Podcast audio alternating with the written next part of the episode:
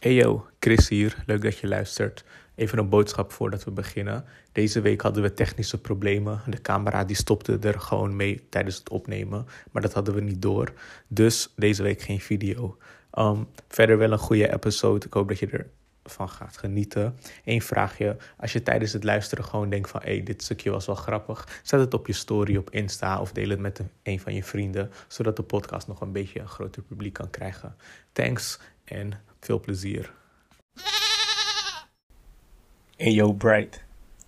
Are we recording right now? Jawel man, welkom terug dames en heren. We zijn ondertussen beland bij episode uh, 32 of 33. Ik weet het niet meer. 32 man. 32. 32. Shout-out sowieso naar jullie kijkers, luisteraars. Shout-out Uh, naar de mensen op TikTok man. TikTok man, hey, we zijn vorige week begonnen met onze TikTok-account en uh, we ontvangen veel liefde daar. Mhm. Dus volg ons ook op TikTok. Domslim podcast overal. Precies. Laten we starten man. Ehm, Voor- voordat we aan het eh, recorden waren, toen, eh, toen ging mijn Siri af. Ja man. Gewoon op zo'n rare manier. Toen zei je, ik moet eventjes mijn kritiek uit. Hey, ik moet even mijn frustratie uiten, want fucking Siri luistert nooit wanneer je hem echt nodig hebt. er zijn altijd van die momenten dat Siri ineens afgaat, gewoon random in je broekzak of je legt je telefoon neer of je bent aan het chillen met mensen en hij begint ineens te praten. Eh, de route naar de... Dan denk je van, what the fuck? En dan, als je hem nodig hebt, denk je van, oké, ik moet even, ik moet heel snel weten wat 33 keer 24 is. Heel snel. Hey Siri, luistert niet. Hey Siri, luistert niet. Hey Siri. Dan moet je heel awkward Zelfs naar nog. die app, zie je? Zie je, nu luistert die niet. En dan heb je het ineens random over iets totaal anders. Begint hij te praten tegen je. What the fuck, man. Apple, Ja, man. fix your shit. Want your eh it's frustrating, man. Frustrating. Ja, man. Ehm, gaan, we, gaan we starten met een topic. Ik, eh, ik kwam dit verhaal deze week tegen. Mhm. Ik moest het gewoon met, meteen meenemen natuurlijk. Er is een man uit Den Haag. Die, dit is een tijdje terug gebeurd, maar ehm, hij komt uit Syrië officieel. Mhm. Is hier naartoe gekomen als vluchteling. En hij wil zijn rijbewijs halen. Ja. Deze man is negen keer gezakt voor theorie. Oh. Op de negende keer dacht hij, fuck it. Ik ga. CBR in fix steken. dus hij is serieus met een, met een jerrycan benzine naar CBR gegaan. Hij heeft die shit uitges eh, ja, leeggegooid, Ja. aangestoken. Eh gebouw moest ontruimd worden. Er zijn meer dan duizend examens die dag gecanceld. er zaten op dat moment 31 mensen in of zo.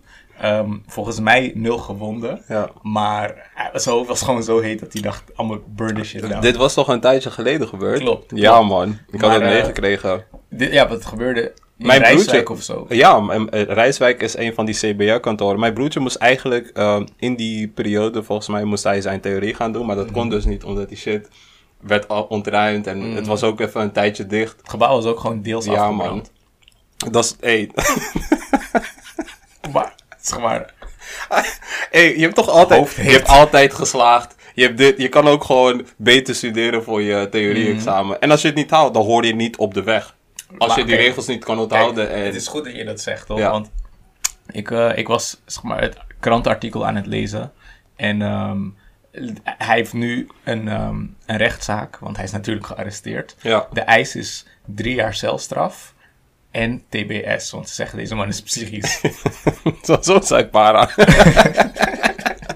je bent toch para als je een gebouw in de fik gaat steken? Klopt, maar toen ik zeg maar ehm, zijn argumenten hoorde, was niet dat ik het met hem eens was, Mhm. Ja. maar ik kon wel zijn frustratie goed begrijpen. Leg me uit, Want wat die man hij? zegt zo van, ja kijk, ik, in Syrië reed ik al 18 jaar auto. Ja, Nu wil ik hier gewoon auto rijden, zodat ik aan de slag kan als chauffeur. Maar de hele dag zak ik voor mijn theorie.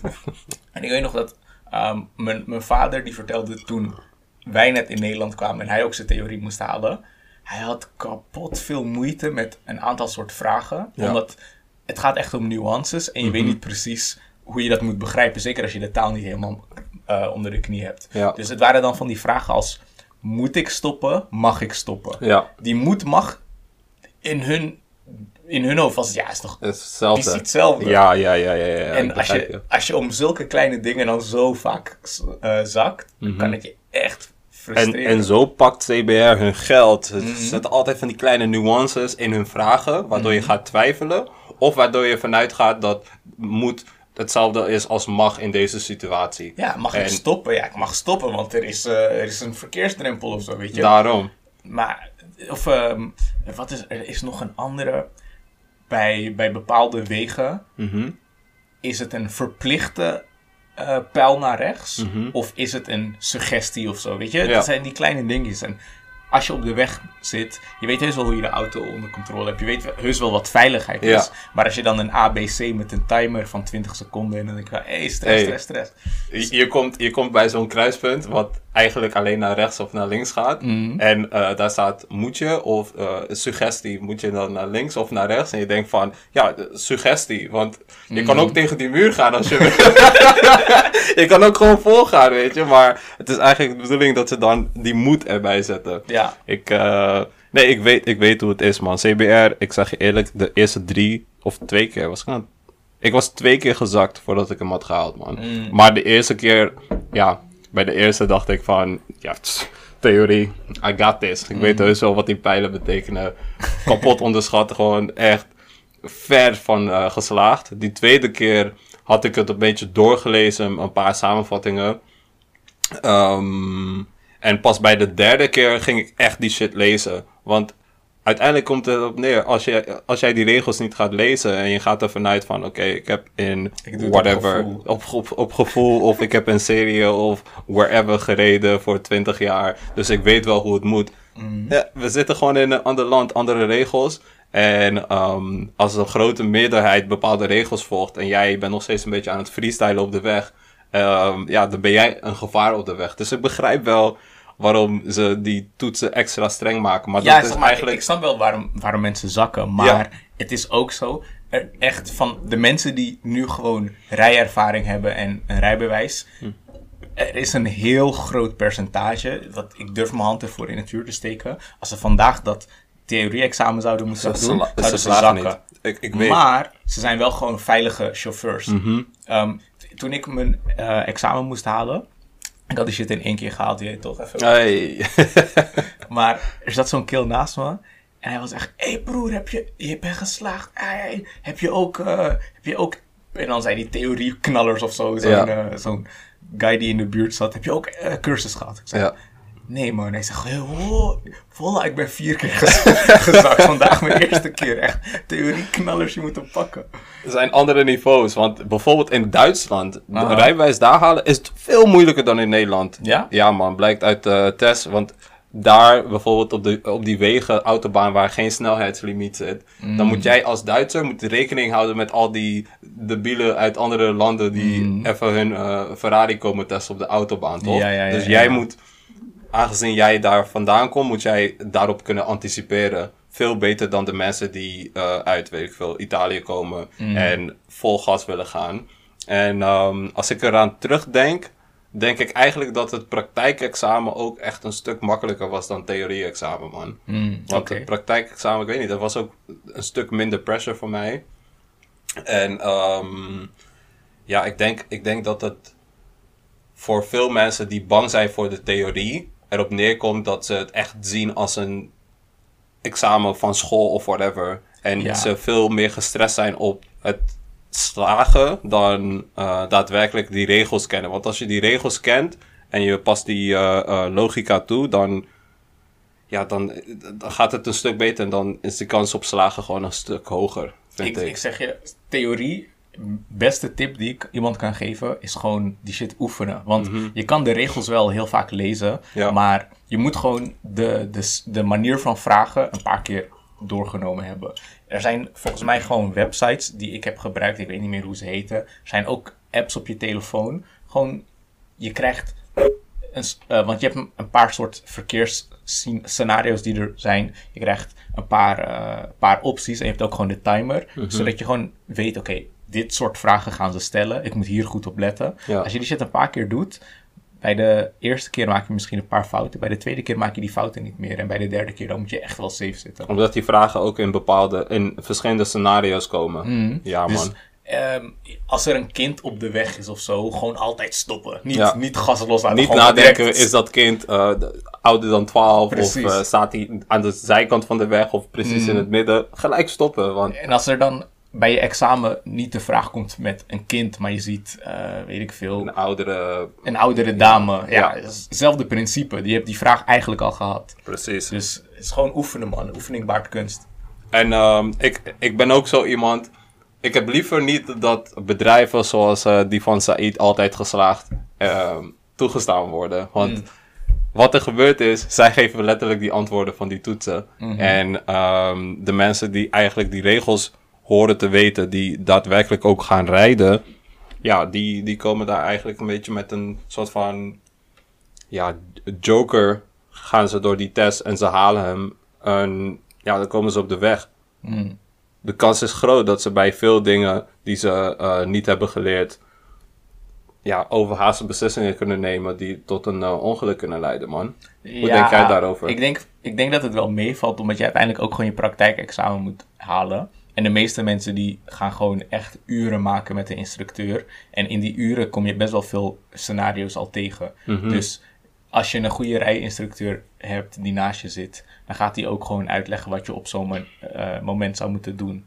En genoeg mensen die het theorie-examen dan wel halen doordat ze er gewoon voor gingen blokken. Mhm. Maar twee weken later zijn ze het blokken alweer kwijt. Dus het- volgens mij gaat het gewoon om, je moet je comfortabel voelen in de auto. Je moet gewoon scenario's gezien hebben en dan hoef je niet eens alles gezien te hebben, maar je weet, oké, als ik iets raars zie, ga ik dit doen. Als ik drukte zie, ga ik dit doen. Een beetje opletten. Verkeer is ook gewoon een beetje het gevoel, weet je. Soms dan is de, eh, de maximale snelheid wel, eh, laten we puntje puntje zeggen, 60 Mhm. of 50. Maar je ziet gewoon, het is... Ik ga hier niet 50 rijden omdat er gewoon te veel aan de hand is. Ja, dan hoef je die regels niet eens in je hoofd te hebben. Je kijkt gewoon de auto's voor je, de auto's achter je. Je gaat mee in die flow. Ja, ik zeg dat vooral ook omdat er ehm, veel verschillende scenario's zijn die ook misschien niet te, te sprake komen eh, tijdens je praktijklessen of überhaupt je examen. Hmm. ehm, die je wel meekrijgt als je erover gaat lezen. Snap je wat ik bedoel? Je kan ja, wel echt. Ik denk, ik denk van niet gewoon. Nee? Nee. Ik denk juist andersom. Ik had een keer... Oké, ik was klaar met mijn autorijles. Mhm. We gingen een, eh, de volgende klant ophalen. En zij ging mij terug naar huis rijden. Dus we, we gaan van haar huis naar mijn huis. Een stukje over de snelweg. Maar dan... ehm, het, zeg maar, zij woonde in een nieuwbouwgedeelte. Dus er werd nog veel gebouwd. En het was nog niet super druk. En blijkbaar, omdat het nog niet super druk was... waren er eenden in de buurt. Want je zou die eenden niet op zo'n plek verwachten. Mhm. Dus er is een familie eenden die de weg oversteekt. En dit is gewoon een weg waar je richting de 100 gaat. Ja. Dus deze meid, zonder om haar heen te kijken, ziet die eenden voor zich. Ja. En ze denkt van, oh nee, dat is zo schattig, ik wil ze niet aanrijden. Dus ze jenkt aan het stuur, naar links. Nee, ja. Mijn rijinstructeur die denkt van, bro, je hebt niet eens in je spiegels gekeken, zie je Ja. dat er een auto aankomt, dus die jenkt terug naar rechts. Ik dacht op die achterbank van, bro, today I'm gonna die. maar dat soort shit, dat krijg je niet in je, in je boek mee. Dat is Nee. gewoon meemaken en denken van, oké, wat ik nu deed, dat was Tuurlijk. slecht. Instructeur wordt een beetje boos, die leert ervan. Hij zegt, bro, liever maak je tien eenden dood dan drie mensen. Tuurlijk, tuurlijk. Maar ik heb het over van die dingen die. ehm, dus in bijvoorbeeld in die boeken staat bijvoorbeeld als je eh, pech hebt langs de snelweg, wat je moet doen, toch? Mhm. Ehm, als je dat niet hebt gelezen en je hebt pech en je gaat gewoon langs de snelweg op de vluchtstrook staan en je hebt geen waarschuwingslichten of whatever, omdat je dat soort dingen niet hebt meegekregen, Mhm. vergroot je gewoon die kans op een ongeluk veel hoger, omdat je dat soort dingen hebt geskipt en rechtstreeks eigenlijk dat examen hebt gehaald. Ja, maar je, hebt, je hebt met zo'n theoriecursus genoeg kennis om het te halen. Dus ik denk niet dat die mensen per se veel zwakker op de weg zijn Die kennis uit dan die mensen. test is niet alomvattend. I know, Er I is know. nog heel veel. I know, maar ik denk gewoon niet dat de mensen die zo'n test hebben gemaakt heel veel achterlopen dan de mensen die wel leren voor de test en shit gewoon vergeten door de jaren overheen gaan. Bro, stel- als jij twaalf jaar geleden je rijexamen hebt gehaald, denk je dat je al die details uit het boek nog kent? Nee, nee, nee, nee, nee, sowieso niet. Maar Dus ik denk ook mensen die zo'n theorie-toppers-cursus gedaan hebben, Mhm. op die manier met een joker het examen maken en halen, ja, uiteindelijk netto ongeveer hetzelfde. je moet het zo zien. Stel je voor, jij weet van, oké, deze persoon heeft snelle Jelle ehm, die toets gehaald via Mhm. een altijd geslaagd of whatever. En hij is, ehm, ehm, hij is taxichauffeur. Als hij geen taxichauffeur is, is hij ook verantwoordelijk voor andere levens, vooral ook omdat Mhm. hij mensen meeneemt in zijn of haar auto, toch? Mhm. Als jij in de auto zit en jij weet van deze guy heeft gewoon zijn rijbewijs heel snel gehaald, altijd geslaagd en hij heeft die regels niet echt gekend, zou jij je net zo veilig voelen in die auto als van, bij iemand waarvan je weet van diegene Ja, heeft man. gewoon. Ja, zeker. Ja? Ja, man. Oké. En weet je wat ook zo is? De meeste ongelukken op de weg, die komen niet doordat mensen de theorieregels niet meer kennen. De meeste ongelukken komen gewoon doordat ze ehm, Niet opletten. niet opletten, doordat ze op hun telefoon zitten, of vermoeidheid, of andere shit, waardoor je gewoon je concentratie verliest. Mhm. Ja, dat is gevaarlijk.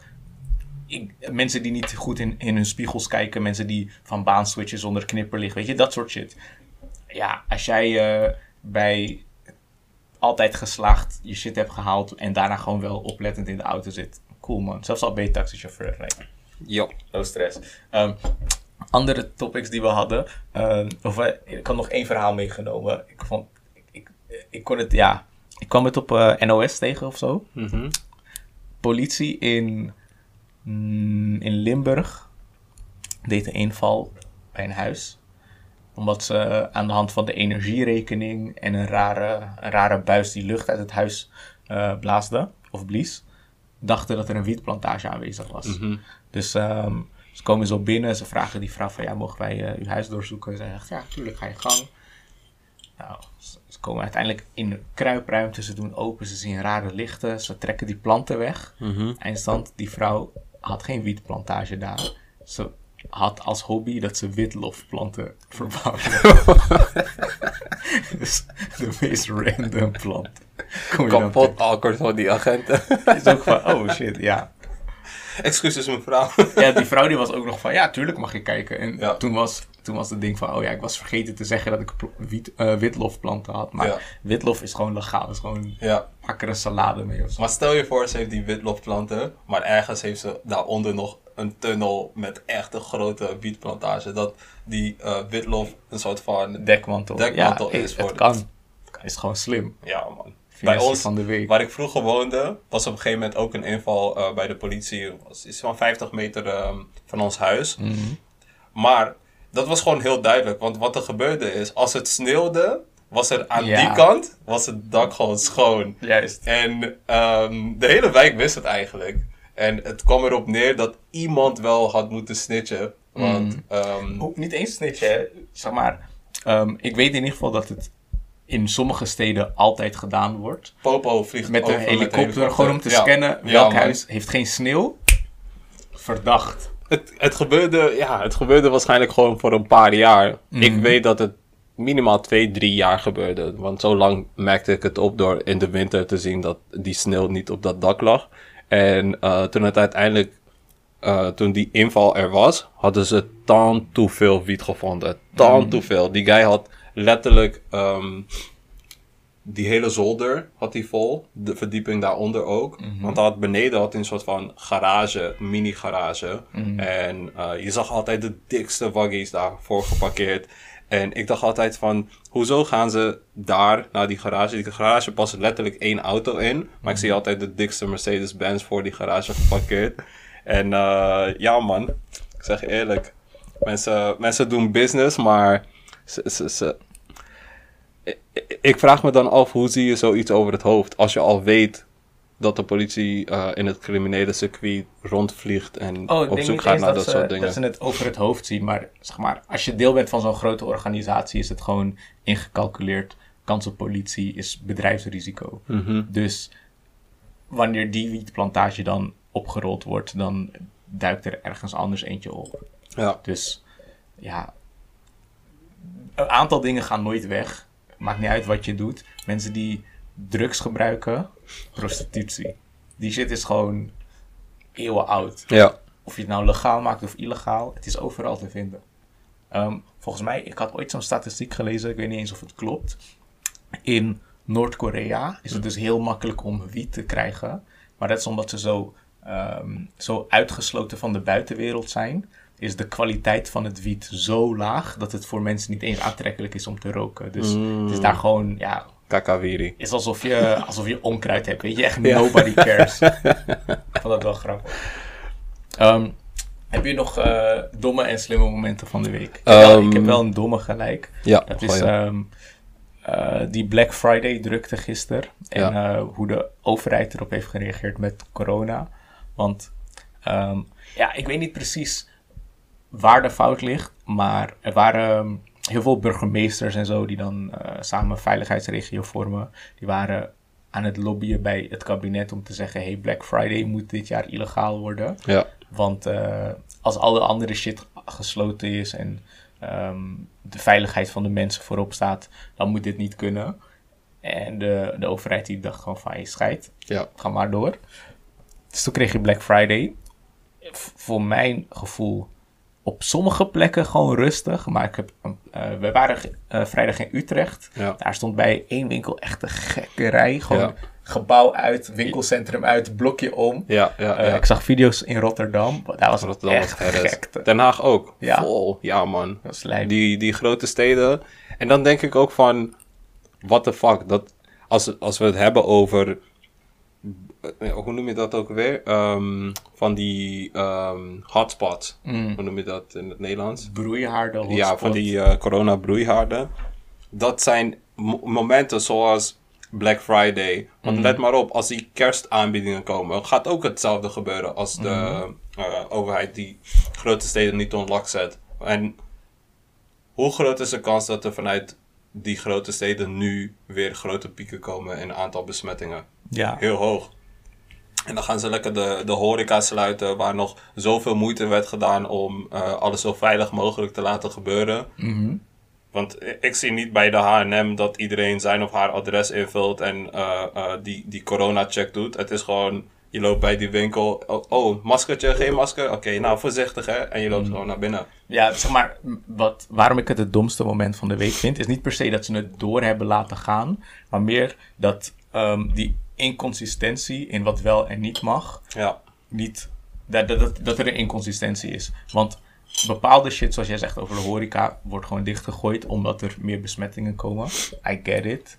Maar ehm, andere dingen niet. En het gaat dan niet per se om de vrijheid van mensen van, oh, ik wil gewoon kunnen shoppen, ik wil gewoon mijn biertje kunnen drinken. Maar meer dat ehm, de, de, de, de schade die er is op economisch gebied zijn echt kapot veel bedrijven die failliet aan het gaan zijn of failliet Ja. zijn gegaan. Juist doordat het beleid zo wishy-washy is en Ja. je, niet kan, eh, je niet verzekerd kan zijn over je inkomsten op de eh, lange termijn. En dan zoiets iets onbenulligs of onbelangrijks als Black Friday ja. gaat gewoon in drukte door. Maar ja, het is een, is een kleine, kleine opmerking, geen echt. Het is niet grote Het is frustratie. zo, zo dom, want ze, moesten, ze moeten dat soort dingen moeten ze voorkomen. Want Het is dom, ze hadden er slimmer mee moeten omgaan. ja man, ja man. Volksgezondheid eh, is toch nummer één? Nou, eigenlijk niet. Ja, maar Als je, het zo, als je, als je dat soort dingen toelaat en eh, die verspreiding eigenlijk, ja, je, je laat het gebeuren, dan is volksgezondheid niet echt nummer één. Dan is die economie nummer één. Want uiteindelijk zijn die winkels open zodat het, het draaiende blijft. Want Ja, die winkels maar- die open zijn, het zijn, het is geen necessity. Ja, maar weet je wat het Albert ding is? moet open blijven, maar H&M hoeft voor mij niet open op dit Ik hoor moment. je, ik hoor je. Maar Ja. wat het ding is, je, ehm, ze kunnen, de overheid zegt ook niet dat de economie nummer één is. Want er zijn ook heel veel maatregelen die de economie juist hard hebben getroffen. Bijvoorbeeld dat bepaalde, dus bepaalde sportverenigingen dicht moeten. ehm, horeca die dicht moet. Ehm, en dan heb ik het niet alleen over bars, maar gewoon echt de hele horeca. Like, dat is ook economische impact. Dus het, het is niet dat de overheid nu zegt dat economie nummer één is, maar ze zeggen ook niet dat de volksgezondheid nummer één is. En juist omdat het zo wissel, wisselvallig is, denk ik van bro, dit is dom. Ja, Het beleid is niet per se duidelijk als je zegt oké, we gaan nu 100% inzetten op de volksgezondheid en om die reden moeten andere dingen eronder lijden, snap ik het. Maar als je dan voor bepaalde dingen ja zegt, voor andere dingen nee, is gewoon inconsistentie. klopt, klopt. Maakt het ook moeilijker voor mensen om die regels na te leven. Ja, man. ja, Ja, waar ligt die grens? Bro, we gaan kerst dit jaar moeten cancelen. We gaan oud en nieuw moeten cancelen. Het wordt echt een kakka oud en nieuw wisseling. Je mag niks. Vuurwerk verboden. Niet dat ik vuurwerk lauw vind, maar ik weet dat er gewoon veel mensen ehm, ja, die genieten daarvan. Maar ja, dat is grotendeels ook nu eh, verboden. De dingen die, ehm, ja, die, die het hardst knallen en eh, volgens mij is het knalvuurwerk en heel groot siervuurwerk is al verboden. Mm. En dan is ook nog de horeca gesloten, clubs, alles, restaurants. Je kan niet uit eten. Je kan ook niet Over met veel vuurwerk? mensen. Kan ik echt gewoon geen enkele traan laten. I don't care Ik, about ik it. laat sowieso geen traan. Maar, ik, wil gewoon- zeggen, ik wil gewoon een vibe hebben. Ja. die vibe ga je dus ook niet hebben. Want je mag ook niet met veel mensen bij je thuis chillen. Dat Ja, soort man. dingen. Het wordt echt een kakka-jaarwisseling, man. Mm. En ehm, ik denk dat na die jaarwisseling, als er volgens mij geen ja, hoop in zicht is rond begin, ehm, begin van de lente, dan gaan mensen echt scheid hebben. Dan denk ik dat mensen die boetes en die fucking ehm, ehm, ja, straffen gewoon gaan pakken. Mm. Want Maar dan is het een jaar dat we in die lockdown zitten. Weet je wat, eh wat, wat fucked up is? Of nou ja, niet eens fucked up, maar gewoon eh, interessant om over na te denken. In de geschiedenis is het wel vaker voorgekomen dat, eh, dat er last was van een epidemie of een pandemie. En dat eh, landen en regeringen dan overgingen tot lokale lockdowns. Maar toen kon het jaren duren. En waren mensen eh, niet zo connected als dat we nu zijn. Want nu hebben we wel een soort versie van een lockdown. Hij is gelukkig al minder streng dan daarvoor. En je hebt toch wel op een bepaalde manier een soort van jouw versie van het leven. Je hebt ook sowieso door internet nog echt contact met mensen. Maar stel je voor dat we dat allemaal niet hadden. Je had gewoon. Je, je, je kon je boodschappen doen. En dat was het. Ja. Je kon niet naar buiten. Je kon niet met mensen bellen, appen. kon niet trein pakken richting trein-. Gewoon Je zit gewoon locked down. in jouw area. Mhm. En dan jaren, hè? Is gewoon een gevangenis. Shit. Bij, bij Op een gegeven moment mensen worden gefrustreerd. mensen worden gefrustreerd. Hé, hey, eh er zijn geen chimmies meer. Ja, hey. Dat is rough. je wordt... Ik, ik denk dat het die, in die tijd... Ja, het moest zo frustrerend zijn. Mm. Maar ook omdat... Ja, ze, ze, ze konden niet echt uitwijken naar andere eh, plekken. Al was het mentaal. Dus wij kunnen echt uitwijken naar Mm. Ja, andere plekken. En films en series en verhalen van andere mensen meemaken. Waardoor we misschien het gevoel krijgen dat we niet echt hier Mm. zijn. Maar voor hun was het wat de krant Ja. lezen. Boeken lezen, denk Boeken ik. lezen. Dat is jouw manier om dan uit die isolatie te raken. Kan veel erger dus. Ja, could Ja. be worse. Positief blijven. Voor mij was echt een dom moment. Ik had dit net gelezen. Ehm, de, de staat van eh, Californië in Amerika heeft eh, echt, echt een blunder gemaakt. Ze hebben voor iets van 140 miljoen hebben ze uitgedeeld aan gevangenen als een stimulus eh, check. Dus Ah. de Amerikaanse eh, burgers hebben door de hele coronacrisis hebben ze steun gekregen van de Amerikaanse overheid. Maar die steun was eigenlijk niet bedoeld voor, eh, voor iedereen. En ehm, door, ja, hoe zou ik het zeggen? Door administratieve fouten en onoplettendheid en dat systeem werkt gewoon niet goed. Hebben iets van 35.000 inmates. Daar zitten dus ook mensen die eh, eh, op death row zitten. Dus zij zitten voor altijd vast. Killers. Mensen hebben gewoon fucking geld gekregen. Sommige mensen kregen 25.000 op hun, eh, op hun rekening. En weet je hoe het naar buiten is gekomen? Niet dat er vanuit de Amerikaanse overheid in Californië dat het duidelijk werd, duidelijk werd dat het naar de verkeerde mensen is gegaan. Het kwam. het kwam dus door inmates die gingen bellen. En ehm, gingen opscheppen over hoe makkelijk het was om die stimulus check te krijgen. Bij familieleden en vrienden. Eh, want die gesprekken worden op, eh, opgenomen. En daardoor was het dus duidelijk dat er 140 miljoen uitgedeeld is aan mensen die het helemaal niet hoorden te krijgen. In Nederland was er ook een keer zoiets met, eh, met uitkeringen Ja. in een bepaalde gemeente.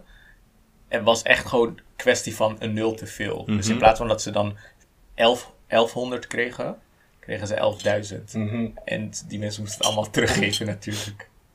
Heb je nooit van die scenario's dat je denkt van... Wat als de gemeente een fout maakt en ze droppen een milli op je rekening? Wat, wat, Wat zou als ik doen? in één keer in Panama woon? Jee. Wat als? ja, wat dan? Wat doe je dan? Ik zal, Wat doe je dan? ik, zal, Ja. ik zal op dat moment... Je checkt de ING-app en je hebt ineens anderhalf miljoen op je rekening. Ja, wat, wat is je eerste reactie? Ja, ik, ik denk van, bruh, is dit een prank? Bro, ik, ik zet mijn telly uit, ik ga even powernap nemen of zo. Yo, die, die shit zal me zo erg nakken. Ik zal...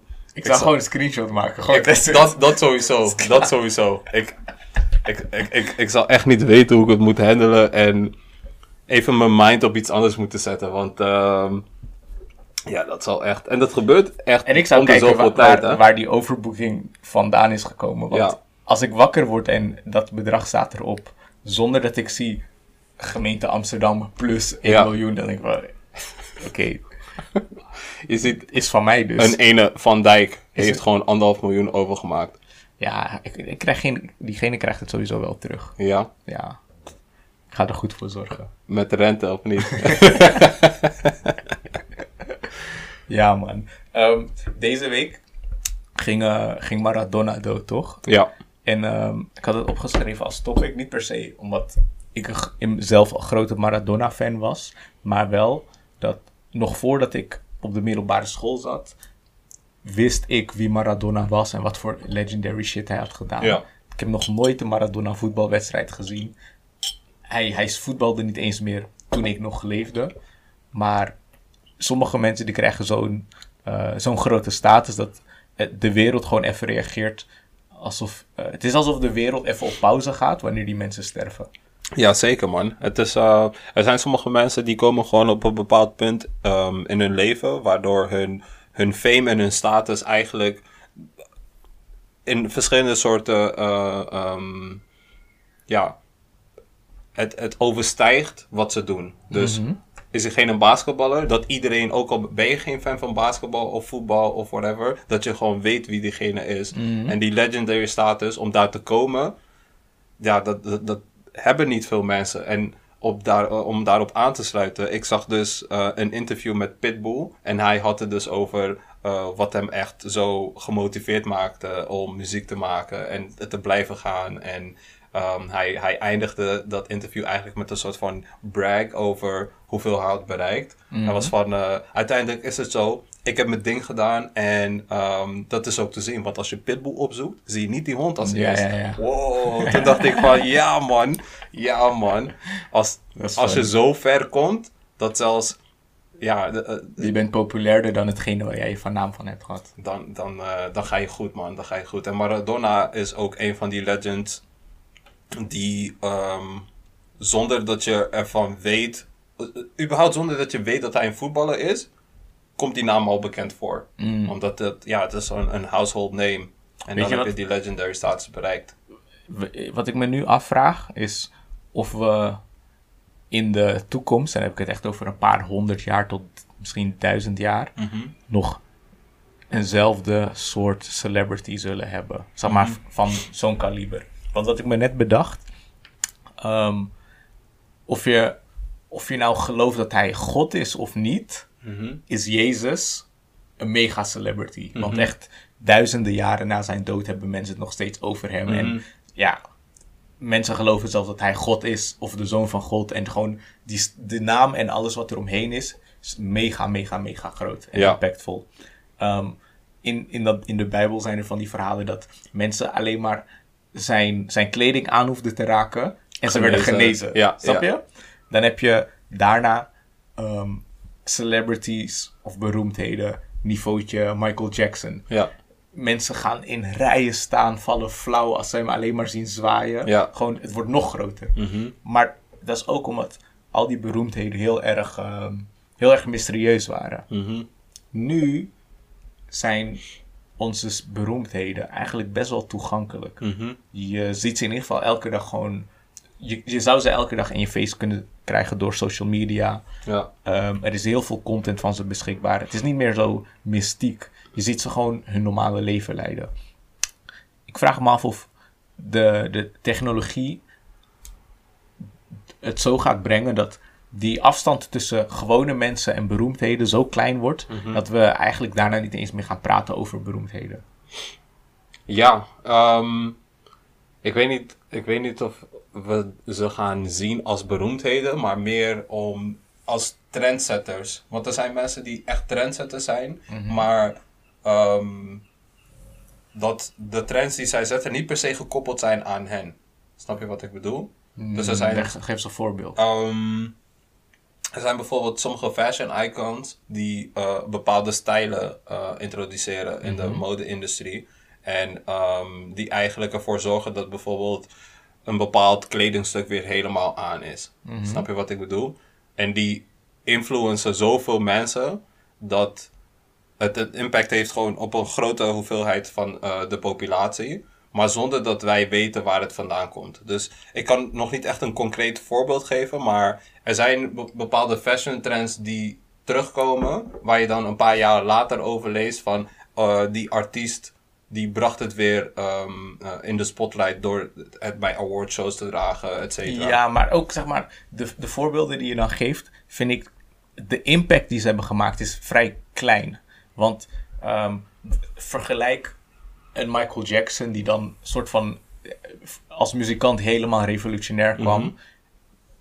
Er is een, eh, een bepaalde dansmove en als je hem doet, mensen denken gelijk, oh, dat is de Michael Ja, Jackson. ja, ja, ja. zijn er zelfs twee. Als je naar voren gaat leunen, als je gaat moonwalken. Mensen hebben gelijk, dat is Michael. Ja. Ehm, ja, wat, wat voor iconische shit doen de beroemdheden van vandaag de dag? Ongeveer, eh, wat zou het zijn? 40, nee, 60 jaar geleden, jaren 60. Martin Luther King, hij heeft zo'n speech, fucking impactful.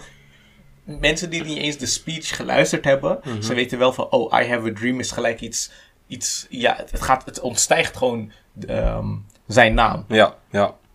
Wat doen celebrities van deze? Ze zitten een beetje op Instagram eh tandbleek producten te promoten. eh afvalshakes, weet je. eh, nutrition shaky. Like, nu zijn ze wel populair en nu zijn ze wel beroemd en hebben ze veel followers.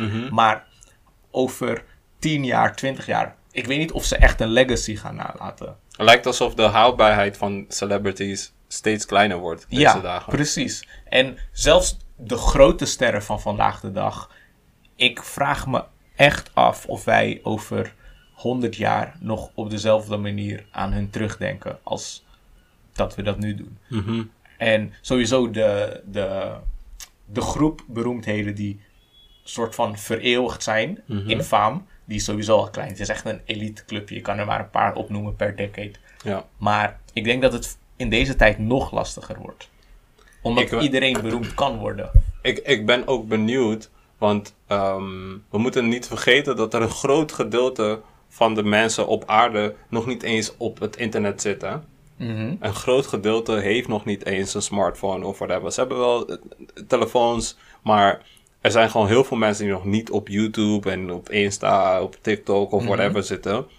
Ehm, met, de, met de mogelijkheden die wij tegenwoordig hebben, bijvoorbeeld met TikTok, hoe binnen een jaar een meisje van 16 zit nu op 101 miljoen volgers op TikTok. Dat is meer dan de helft van wat bijvoorbeeld Kim Kardashian heeft. Kim Kardashian heeft er letterlijk jaren over gedaan. Ze moest letterlijk naakt gaan eh, om, om die carrière van haar te, te Ja, maar dat is, dat is ook zeg maar. En Kim Kardashian, die heeft er misschien langer over gedaan. Maar zelfs mensen die niet weten wat Kim Kardashian doet, Mhm. kennen haar wel.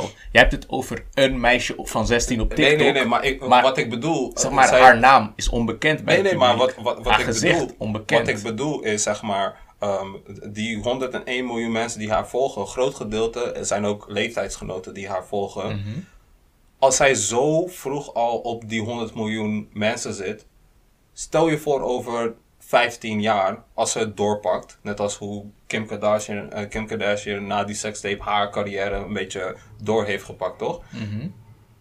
Moet je je voorstellen, als zij la- later op 600 miljoen volgers zit, wat voor impact zij gaat hebben als zij Ik denk, doorpakt. ik, ik denk niet dat dat soort shit gebeurt, man. Nee, maar Want, het- het- kijk, weet je wat het dat ding is, is? Dit- dat dit is is dus het ding. Een Kim, die heeft zoveel volgers. Mhm. Maar er zijn nog ja, veel meer mensen die Mhm. haar wel kennen, maar niet volgen. Snap je? Mhm. Ik ken Kim Kardashian, ik volg haar niet. Er Ja. zijn veel meer mensen. Die followers zijn al een, een selecte club. Mhm. Ik denk ook echt over die TikTok-meid. Er zijn niet veel meer mensen die haar wel kennen en niet volgen Maar dan dat, is, andersom. maar dat is omdat wij niet met die mensen in gesprek gaan en wij haar niet kennen. Snap je? Mhm. En Ehm, ook uiteindelijk Door eh, die- TikTok, het is zeg maar de barrière om tot een groot publiek exposed te raken, Mhm. die was heel groot vroeger. En met de jaren wordt het steeds kleiner. Mhm. Ja. En nu is het relatief makkelijk om... Je hebt letterlijk alleen een telefoon met internet nodig. Precies, het is heel makkelijk om voor zo'n groot publiek ehm, om bekend te raken. Mhm. Maar daarom denk ik ook dat het ehm, veel moeilijker wordt om die bekendheid vast te houden. Zeg Ik denk het niet, man. Ik denk het Onze- niet, want ik zie wat, wat zij bijvoorbeeld doet. Zij pakt gekke sponsorship deals. Mhm. Zij, zij begint merchandise te verkopen. Er zit gewoon een, een heel team achter haar wat een bedrijf aan het opbouwen is. Mhm. Als zij het goed doen en ze pakken het op. Want tegen de tijd dat we tien jaar verder zijn, zijn er ook miljarden meer mensen die op het internet gaan komen. En de kans is veel groter dat je iemand gaat volgen die al 300 miljoen volgers zit, dan op die v- 500. Snap je wat ik bedoel? ik- ik- dus ik haar je. influence wordt groter met de tijd. Ik snap je helemaal, maar ik denk gewoon dat dat. Ehm, het heeft weinig impact. Misschien zijn de getallen wel hoog, maar het heeft weinig impact. Zo'n ehm, goed voorbeeld. Een tijdje terug had je in de hip-hop industrie vanuit Amerika heel erg dat ze gewoon dachten: oké, als we iemand pakken die veel followers heeft, dan geven we hem nog een push en dan maken we gewoon een ster van hem. En de formule blijkt niet zo te werken, omdat het hebben van veel followers is niet genoeg. Je kan, ehm, en zeg maar, het is, het is wel genoeg om eventjes aandacht te krijgen, maar het is niet genoeg om een carrière te maken. En ik denk gewoon dat doordat de, de, de prijs van bekend zijn lager wordt, is de, eh, is, wordt het steeds moeilijker en zwaarder om echt beroemd te zijn. Er is een verschil tussen bekend en beroemd. En als we het dan hebben over, eh, sowieso kwamen we er over Maradona die gewoon gekke legacy achterlaat. Dat mensen hem tijdens zijn leven al gaan vereren als een soort halfgod.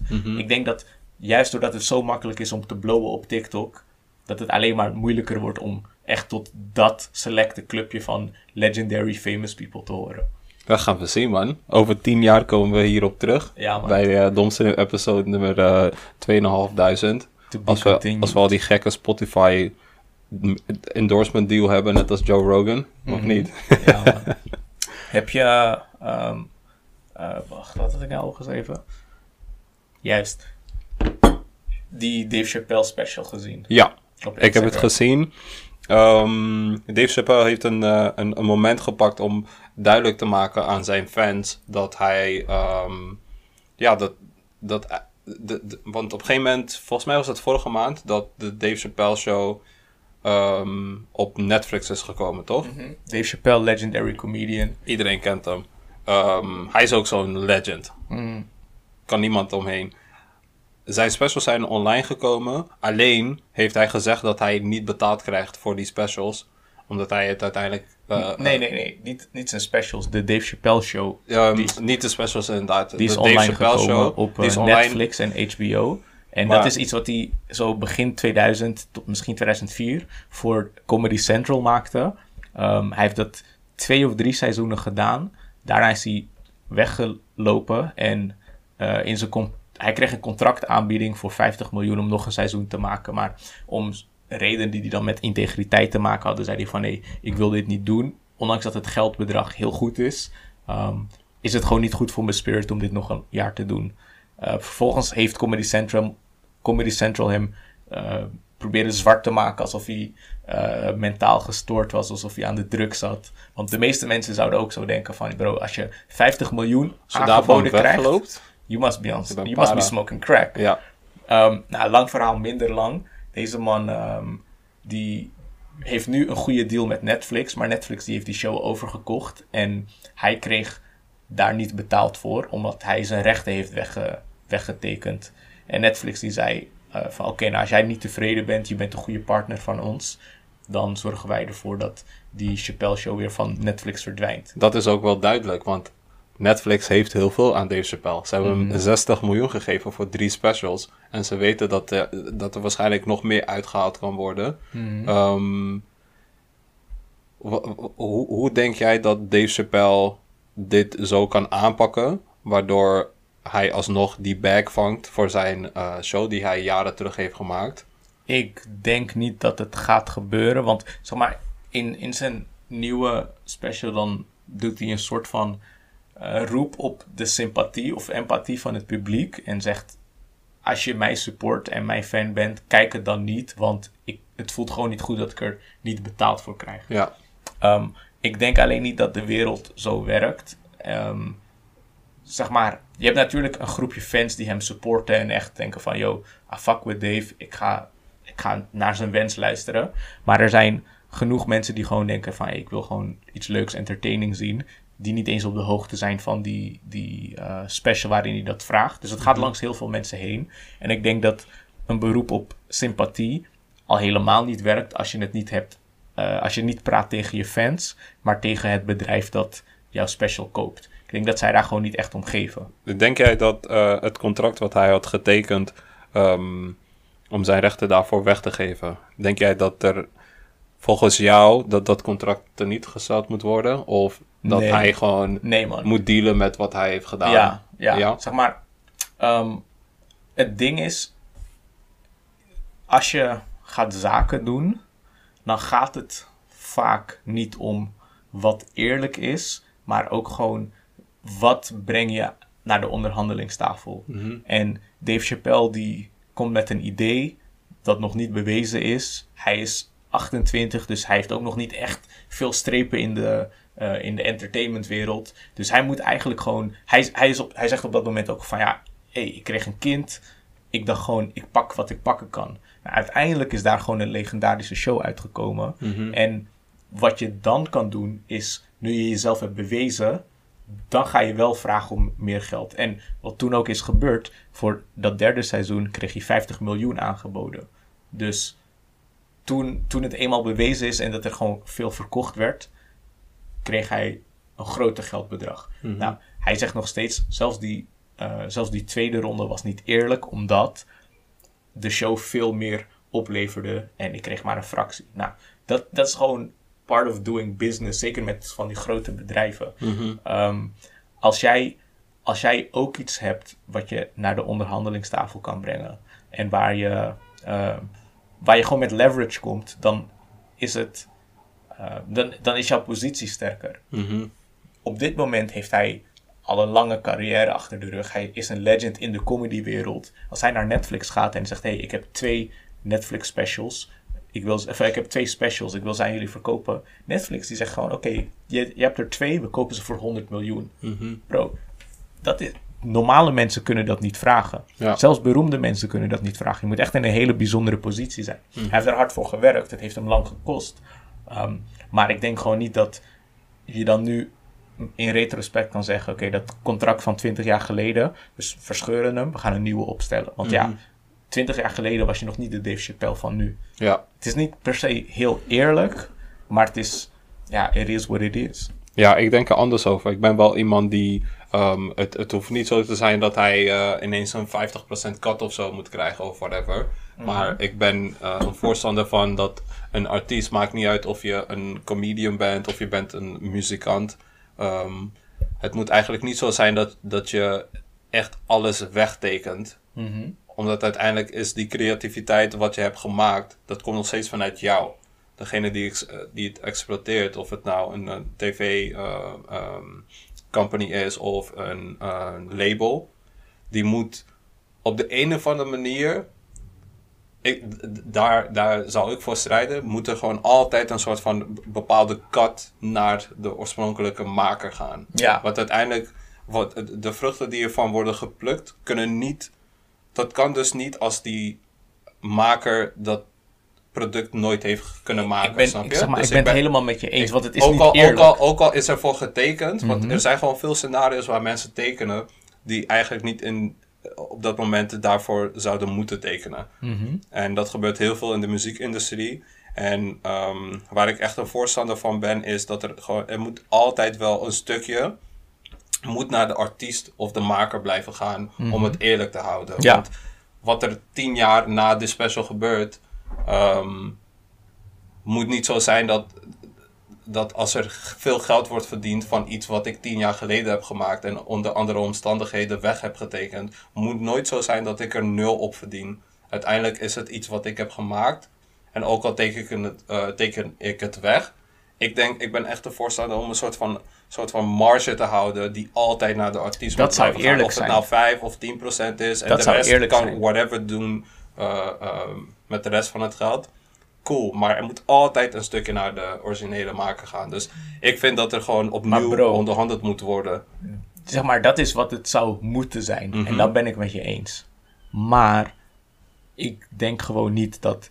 ehm dan gaan we het eigenlijk niet alleen over entertainment hebben, maar kapitalisme als groter iets. Mhm. De meeste be- bedrijven die daar binnen opereren, opereren niet op een eerlijke manier. Ja, Ze opereren gewoon op de. Zeg maar, ehm, je kan. Je, zeg maar, een soort van metafoor. Het spelletje heeft een aantal regels. Die regels zijn misschien niet eerlijk, maar dat is wel het spel waarin je bezig bent. En als jij dan, ehm, als jij dan de verliezende uitkomst krijgt, of de verliezer binnen dat spelletje, dan moet je niet. Ik vind het dan raar om na 20 jaar te zeggen van hé, hey, maar zullen we, ehm, zullen we de regels aanpassen? Mhm. En dan ook nog de regels van alle spelletjes die we al hebben gespeeld. Ik, ik vind het juist heel goed dat hij nu in een positie zit dat hij wel kan zeggen: Oké, de nieuwe games die we spelen zijn onder deze regels. Mhm. En ik, ik kan er ook, ik, ik gok zelfs dat hij nu ook met alle deals die hij sluit, nog eh, intellectueel eigendom behoudt over de dingen die hij maakt. ja. Dat is eerlijk. Maar dat, ja, dat is niet hoe je de, de regels. Dat zijn niet de regels die je hebt afgesproken, afgesproken toen je het originele product maakte. Ja. Dus ik denk gewoon van ja, pak een L, ga door.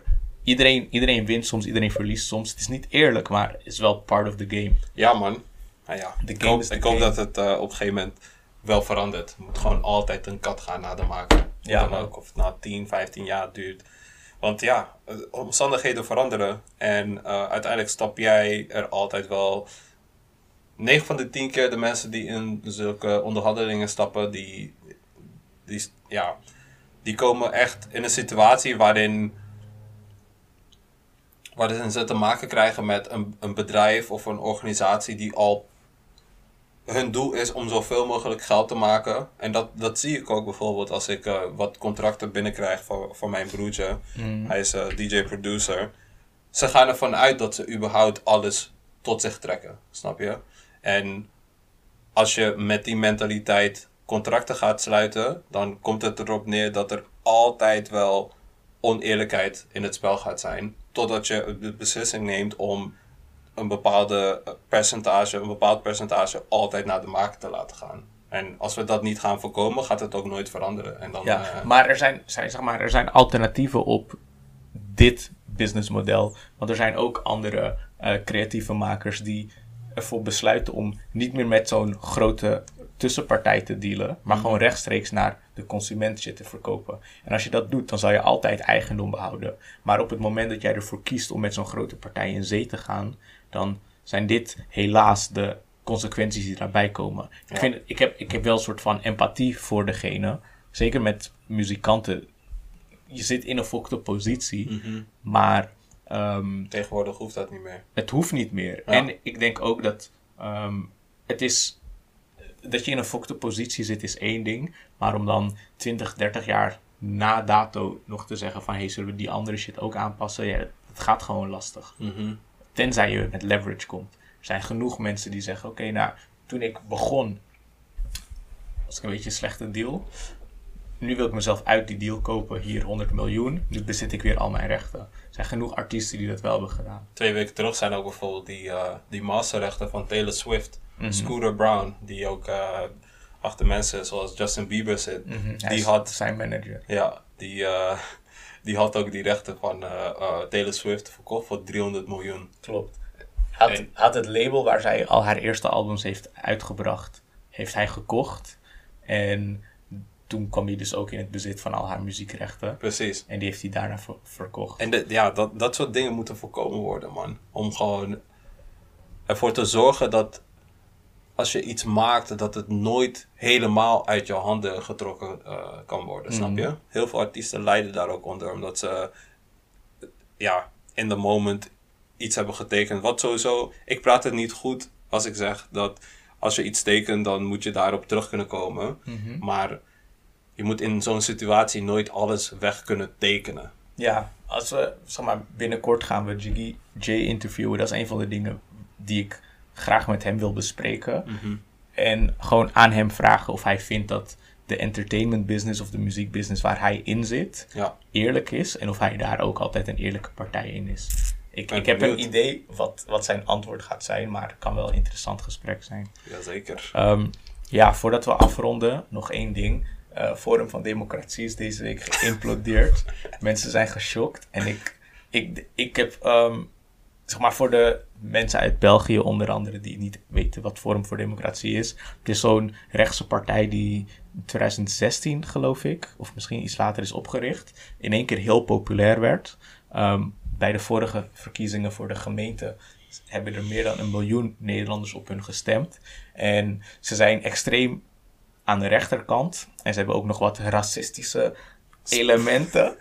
en eh, een tijdje terug kwamen ze dus, eh, kwam een commotie omdat er WhatsApp-gesprekken geleakt waren van hun jongere partij. Ja. Iemand had screenshots genomen, want in die WhatsApp-groepschat gingen mensen gewoon niet een beetje racistisch, zo met die vleugjes, maar gewoon echt heavy, vol erin. Yes. Eh, nog net geen neonazi groeten.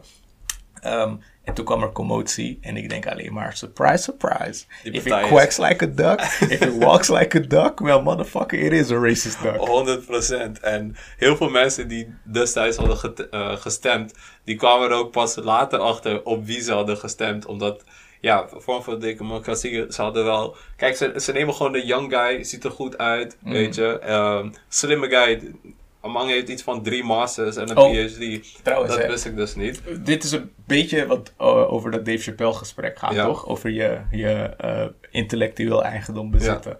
Hij heeft de partij opgericht. Mhm. Hij heeft het groot gemaakt. Maar nu zegt zijn partij, je bent een slechte leider, want dit is allemaal onder jou gebeurd. Mhm. We willen jou uit de partij zetten. Dus nu is zijn reactie weer van, oké, ik snap het, er is oneenigheid, we willen uit elkaar gaan.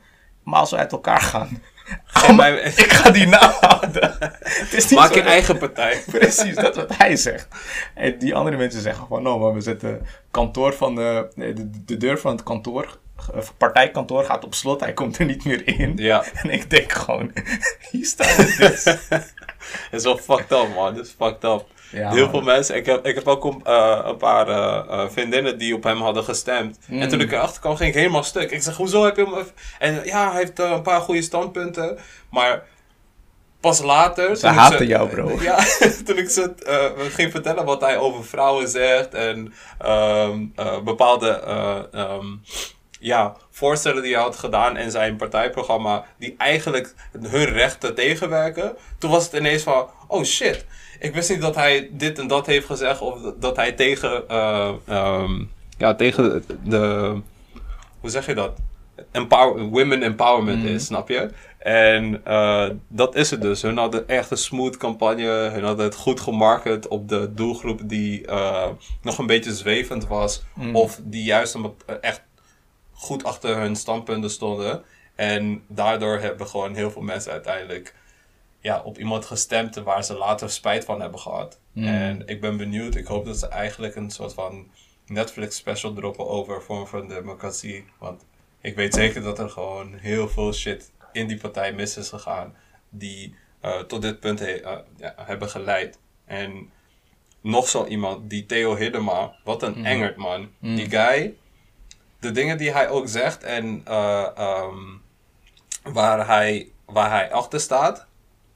Ik weet niet, man. Ik, ik, vind, ik vind hem nog erger dan, eh dan eh Thierry Thierry. Baudet. Maar daar gaan we het nog een keer eh, over hebben bij de volgende episode. Ja, man. Eh Dom Slim Podcast, episode 32. Thanks for listening, thanks for watching. Thank don't you. forget to share, don't forget to follow. Tot volgende week en we out.